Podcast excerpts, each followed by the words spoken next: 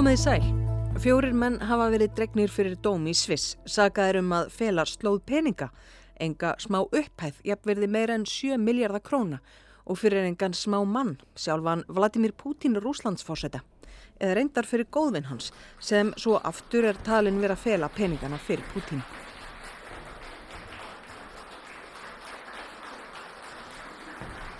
Ég heiti Ragnhildur Torlasíus og fjalla í þetta helst í dag um nokkra bandamenn Pútins eða var að kalla þá samverkamenn Pútins.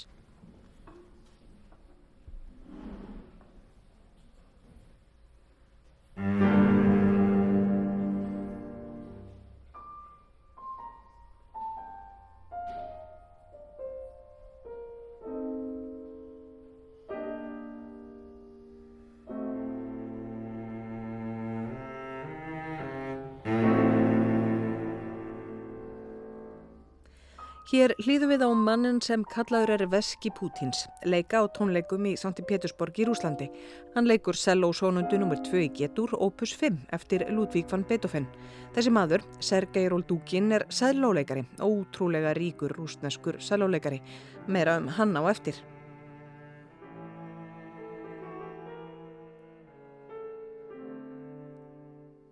Mennirnir sem sitja í súpun út í Sviss voru hátt settir innan svissneska útibús hins rúsneska Gazprom banka. Þeir eru sagaður um að aðstóða serga í þennan róldúkin við að flytja miljónir á miljónir ofan á svissneska bankareikninga án þess að gera almennilega áreiðanleika konun. Þetta er á mannamáli kallaða þvætta peninga. Róldúkin er skráður fyrir tveimur bankareikningum sem voru opnaðir í útibúi Gazprom-bankans í Sviss árið 2014. Guardian segir frá þessu. Róldúkin er sagaður um að hafa sett 50 miljónir bandaríkjadala inn á svissneska reikninga á árunum 2014 til 2016 án þess að skýra með skinsamlegum hætti hvaðan fjöð væri komið.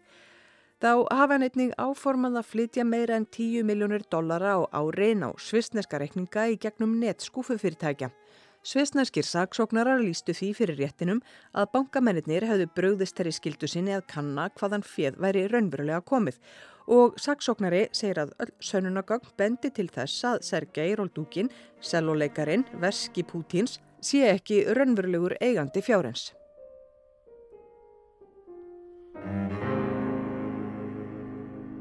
Mennir sem eru það sögn Guardian, þrýr rússar og eitt svislendingur neyta allir sög. Og verjandin segir að það sé ekki hægt að sanna að Róldúkin eigi peningana ekki. Ögrun semtir um raunverulegan eiganda sé ekki nóg út frá lagalegum sjónarhóli. Í ákjærinu segir að það sé vel þekkt að Pútín hafi ofinberlega aðeins jafnverði 100.000 svissneskra franka í tekjur og sé ekki efnaður en eigi í raun og veru gríðarlegar eignir sem fólk sem stendur honum nærri haldi utanum og fjöð sem sé á rekningum á nafni Róldúkins geti ekki með nokkru móti verið hans eigið. En Róldúkin sá sem bankamennir voru að aðstofa, hver er það?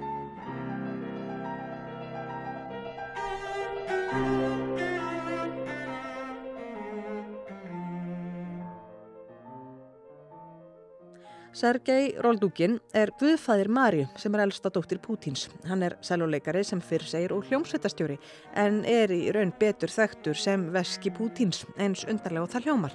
Hann sagði við New York Times að hann væri ekki viðskiptamaður og sannarlega ekki miljónamæringur. Pútín hefur áður sagt að Roldúkin vera vinsinn, stórsnjallan tónlistamann og velgjörðamann sem að hafi eignast fyrir með heiðarlegum hætti með því að eiga smá hluti í rúsnesku fyrirtæki og stjórnvöldi Kreml hafa áður vísað á bug getgátum um að fjármunir Oldúkins tengdust Pútin með einhverjum hætti. Vísað þess á bug sem and-rúsneskri Pútin-fælni. Í raun séu fjármál Pútins opinn bók og hann hafi reglulega gert grein fyrir eigum sínum og tekjum gagvart rúsneskum kjósendum. Ljóstrað var upp um hlutverk Róldúkins í Panamaskjölunum sem voru opimberuð voruð 2016 unin upp úr gagnalega af lögfræðistofunni Mossack Fonseca. Gögnum var legið til Þýskablaðsins Stjúdóitse Zeitung sem deildi því með alþjóðlegum samtökum rannsóknarblaðamanna, ESJ-EJ og fjölda annara fjölmiðla meðal annara Reykjavík Media. Guardian er eitt þeirra fjölmila sem tók þátt í að vinna úr gögnunum og fjalla um málinn.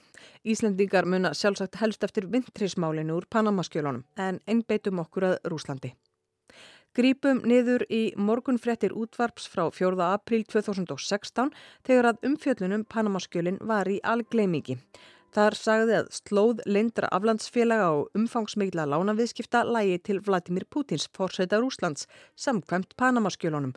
Viðskiptin hljóðuðu samanlagt upp á um 2 miljardar dala verði rúmlega 240 miljardar króna. Nafn fórsætans er hverki sjáanlegt í skjölunum en þau sína ákveði minnstur. Vinir hans hafa hagnast um miljónir dala af viðskiptum sem hefðu líklegast ekki orðið nema fyrir tilstilli Putins.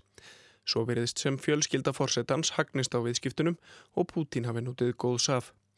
Ímiskonar vafasum viðskipti manna í einsta ring Pútíns er að finna í skjölunum, verslun með fölsuð hlutabref, miljónasamningar fyrir óljós og ráðgjafa þjónustu og háar fjárhæðir ítrekkað greittar í bætur vegna hlutabrifasamninga sem hætt var við. Margir náinn að vinna Pútins eru eigendur aflandsfélaga þrátt fyrir að forsetin hafi talað skýrt gegn þeim og segja þeir sem eigi peningafalda Erlendis eigi að skila þeim til Rúslands. Guardian hafði samband við skrifstofu Pútins til að leita við bræða. Dimitri Peskov, talsmaður hans, neitaði að svara fyrir einstakar ásakanir í garð forsetans. Hann sagði vestrænar njóstnastofnanir að baki allserjar upplýsinga árásar gegn forsetanum til þess að gera landið óstöðugt fyrir kostningar. Peskov sagði það lögbundið hlutverk rúsa að verja heiður Pútins. En hverjir fleiri eru bandamenn Pútins? Það er nú það, gefin hefur verið út heil bókum bandamenn Pútins hún kom út á íslensku í fyrra og heitir Menn Pútins, hvernig KGB tók völdin í Rúslandi og bauð síðan Vesturlöndum Byrgin. En hverjir eru í innsta valdakjarna hans? Eitt þeirra sem nán er Putin er Nikolai Patrushev. Hann er yfir öryggisráði rúsa og hefur verið það frá 2008 og þykir mikill haugur. Hann er jafnframt náinn ráðgjafi Putins. Þeirra var þekst frá því á 8. áratögnum þegar þeir störfuðu báður innan KGB. Hann tók síðan við af Putin sem yfirmaður FSB sem er gamla KGB. Niðurstöður ofinberar breskrar rannsóknar eru að sennilega hafi Patrushev og Putin sjálfur gefið grænt ljós á að njósnarinn Alexander Litvinenko erði myrtur í London fyrir 17 árum. Í november 2006 var honum byrlað geislaverka efnið Polonium í T á Millennium hotellinu við Grófinor Skver og hann lést 22 dögum síðar. Nikolai Patrushev er svo kallar Sílóvík. Orð sem stundum er notaðu um menn sem að standa Pútín næri. Sílóvík þýðir eiginlega valdamaður og það er oft talað í flirtölu um Sílóvíki, hóp þeirra manna sem fara fyrir valdastofnunum, hernum, lauruglunni, leinilauruglunni og fleiri stofnunum sem að hafa heimil til að beita valdi. Annar er Alexander Bortnikov. Hann er núverandi yfirmaður FSB, öryggislauruglunar sem er arftaki KGB. Hann er leikilmaður í stálgripi Pútins á þjóðinni. Mörg hundru þúsund manns starfa hjá FSB sem að hefur ímislegt á sinni könnu, landamæra eftirlit, rafrænt eftirlit, auk þessum að stopnunin á að sportna gegn hriðjuverkum og njóstnum þegar Pútin voru saman í KGB á sínum tíma.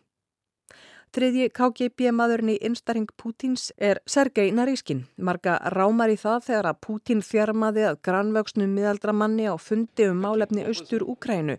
Niðurlægði hann ofinberlega. Það var hann, Sergei Narískin, yfirmaður leinithjónstunar.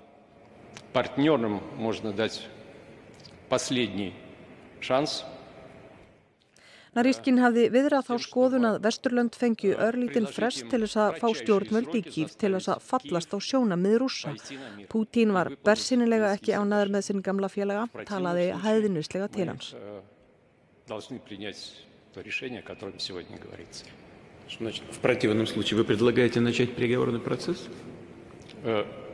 Нет, я... Или, или, или признавать э, суверенитет их? А я Говорите, говорите, говорите прямо. Talaðu, talaðu hreint út, saði Putin við Sergei Narískin sem hikaði og hálfstamaði á meðan hann reyndi að koma á framfæri því sem að hann virtist halda að Putin vildi að hann segði. Вхождение Донецкой и Луганской народных республик в состав Российской Федерации. Да, мы, об этом, мы об этом не говорим, мы этого не обсуждаем. Мы говорим, мы говорим о признании их независимости или нет. Ég mun stiðja tillögu um viðurkenningu á, saðan, mun ég stiðja eða stið ég, baunaði Pútin á hann. Ég stið tillöguna, segðu þá já eða nei, Ég stið tillögu um að Donetsk og Luhansk verði innlemuð í Rúsland, sagði Sergei Nariskin yfir maðurleini þjónstunar. Við erum ekki að tala um það, sagði Putin hæðnislega. Við erum að tala um að viðurkenna sjálfstæði þeirra, já eða nei. Да, я э, поддерживаю предложение о признании независимости. Хорошо, пожалуйста, садитесь. Спасибо. Владимир Александрович. Já, ég stið tillögu um að viðurkenna sjálfstæði þeirra, sagði hinn valdamikli Sergei Nariskin á svipin eins og óörugur piltur sem sendur hefur verið til skólastjóra. Takk, sagði Putin, þú mátt setjast. Leinir þjónustan sem að Narískin stýrir kallast SVFR. Narískin hefur lengi fyllt Pútín var meðal annars þingforseti á árum áður. Hann hefur í viðtölum við Breska ríkisútvarpið hafnað því að rúsar hafi eitrað fyrir nokkrum stundað netára á sér eða reynda að hafa áhrif á kostningar annara ríkja. Markir velti því fyrir sér af hverju Pútín gerði þetta, af hverju hann niðurlæði Narískin ofinberlega. Kenningin er svo að hann hafi gaman að því að ruggla í sínum instarheng, halda fólki á tánum. Það muna líka margir eftir mynd af Pútín við langt fundarborð. Þar sem hann satt við annan endan og nálagt hinum endanum hlið við hlið, sáttu tveir menn í herbúningum, einnkennisklæðinaði, skreitir orðum og borðum, en samt eins og óþekkir skóladrengir. Annar þessara manna er Sergei Sjógú, varnarmálar á þeirra Rúslands allt frá 2012. Hann er gammal félagi fórsetans og hefur meðal annars fyllt honum í veiðiferðir til Sýberju, að sagt BBC. Móðir Sjógú, Aleksandra, er fætt í Úkrænu í Donbass og er rússi svo að átökin standa honum vantalega nær en mörgum öðrum. Myndin við langa fundarborðu er tekinn þremur dögum eftir að rússar ríðust inn í Úkrænum. Þá hefði samkvæmt öllu rúsneski herin átt að vera komin inn í Kív en það gekk ekki eftir. Hinn maðurinn á myndinni er Valeri Gerasimov aðsti yfirmaður rúsneska herráðsins. Eftir að Pútín vek Sergei Súravíkinn til hliðar var gerið sem ofgerður að stjórnanda þess sem að Pútín kallar enn sérstöku hernaðaraðgerðinar í Úkrænu en Vesturlönd kalla innrás. Gerasimov þessi er mikill bandamaður Sergei Sjóku varnamálar á þeirra. Hann var yfirmaður í stríðinni í Tjertsníu, hann hafði yfir umsjón með grimdarlegum aðgerðum rúsa í Sýrlandi og innleimun Krimskaga 2014. Honum er líst hannig að hann sé hermaður niður í hársrætur. Pútín á auðvitað fleiri bandamenn en það má segja að þetta séu þeir sem að standa honum hvað næst í stjórnkerfinu, auðvitað Sergei Lavrovs, utanrikisráð þeirra og Viktors Solotovs, fóringja nýlegra 400.000 manna öryggisveita fórsetans. Solotov var áður lífverður Pútins og frá lífverði fórsetans að kokki fórsetans. Þeim illaræmda manni Jefgeni Príkosín, manninum sem rekur engaherr fullan af harðsvíriðum glæbamennum og að auki tröllaverksmiðju sem að fjöldaframlegir falsfrettir. Dagni Hulda Erlandsdóttir, fréttamaður fjallaðum Príkosín í þættinum heimskveðum í vetur. Hlýðum á það. Príkosín ólst upp í Pétursborgi í Rúslandi líkt og Pútín. Leiðir þeirra láð þó ekki saman fyrir ná fullorðinsaldri. Príkosín þótti efnilegu skíðagöngumæður í æsku en rúmlega tvítugur hlautan dóm fyrir þjófnað og síðar fyrir svig. Hann satt inn í nýju ár og var þá náðaður. Eftir hrun Sovjetríkjana á tíunda áratögnum fór hann að selja pilsur með pappa sínum og reksturinn gekk vel. Hann gefti hlut í fyrstu stórmarkaðskeðjunni í Pétursborg og stopnaði síðar spilavíti og veitingarstaði sem áttu eftir að verða vinsælir. Svo gerðist það í byrjun júli 2001 að þáverandi fórseti Frakland, Jacques Chirac, kom í ofinbera heimsókn til Rúslands og þeir Pútín snættu og veitingastað Príkósin sem var í gömlum uppgerðum bát. Sjálfur þjónaði Príkósin fórsetunum og fylgdaliði til borðs. Ári síðar kom Pútín á veitingastaðin með bús þávinnandi bandarækjafórseta. Árið 2003 hjælt Pútín svo upp á afmæli sitt á veitingastaðinum. Á þessum tíma er talið að Príkósin og Pútin hafi kynst vel og vegna tilkomu kinnana er Príkósin jafnan kallaður kokkur Pútins. Næstu ár hlaut eitt fyrirtækja Príkósins stóra samninga við rúsneska ríkið um skólamáltíðir, matveri ríkistarsmenn og herin. Talið er að Vagnirherin hafi verið stopnaður 2014 af Dimitri Útkin sem áður hafði verið í leini þjónustu Rúslandsers. Æðsti stjórnandi nú er þó fyrirnemdur Príkósin. Talið er að fyrsta verkefni Vagnir Hersins hafi verið við hertöku Krímskaga 2014. Það voru þeir í grænum fötum, ekki mertir neinum hér. Þeir eru líka sæðir hafa barist við hlið rússa frá 2014 í austurhluta Úkrænu. Talið er að nú séu um 20.000 vagnarhermenn í Úkrænu. En hvers vegna vilja stjórnvöld í Rúslandi nýta sér vagnar? Getur svona beitt þessar ansleint og ákveðin þá afneitun á ábyrða því sem að þessi hópur er að gera. Að þegar að sáhópur gerir eitthvað sem að jæðraðið eða hreinlega væri stríðsklæpir í, í, í ef að það væri þjóðarher sem að gerði slíktið sama þá er, hvað gerur við þegar þetta er eitthvað príat fyrir þú bæ að nafninu til og stjórnvöldi Moskva geta liftu pöndum og svo þegar þetta liðir ekkert á okkar við kemur okkur ekki við hvað, hvað þau voru að gera eða við getum ekki búið ábyrða þessu segir Fríðrik Jónsson, öryggis og varnarmála sérfræðingur. Þetta var dagni Hulda Erlendstóttir, fréttamaður að fjalla um einn bandamanna Pútins fórseta, kokk hans. Ég heiti Ragnhildur Tóralasís og í þetta helst fjallaði ég líka um mannin sem kallaður er Verskipútins og fleiri innstu koppa í búri hans, svo kallaða Silovíki.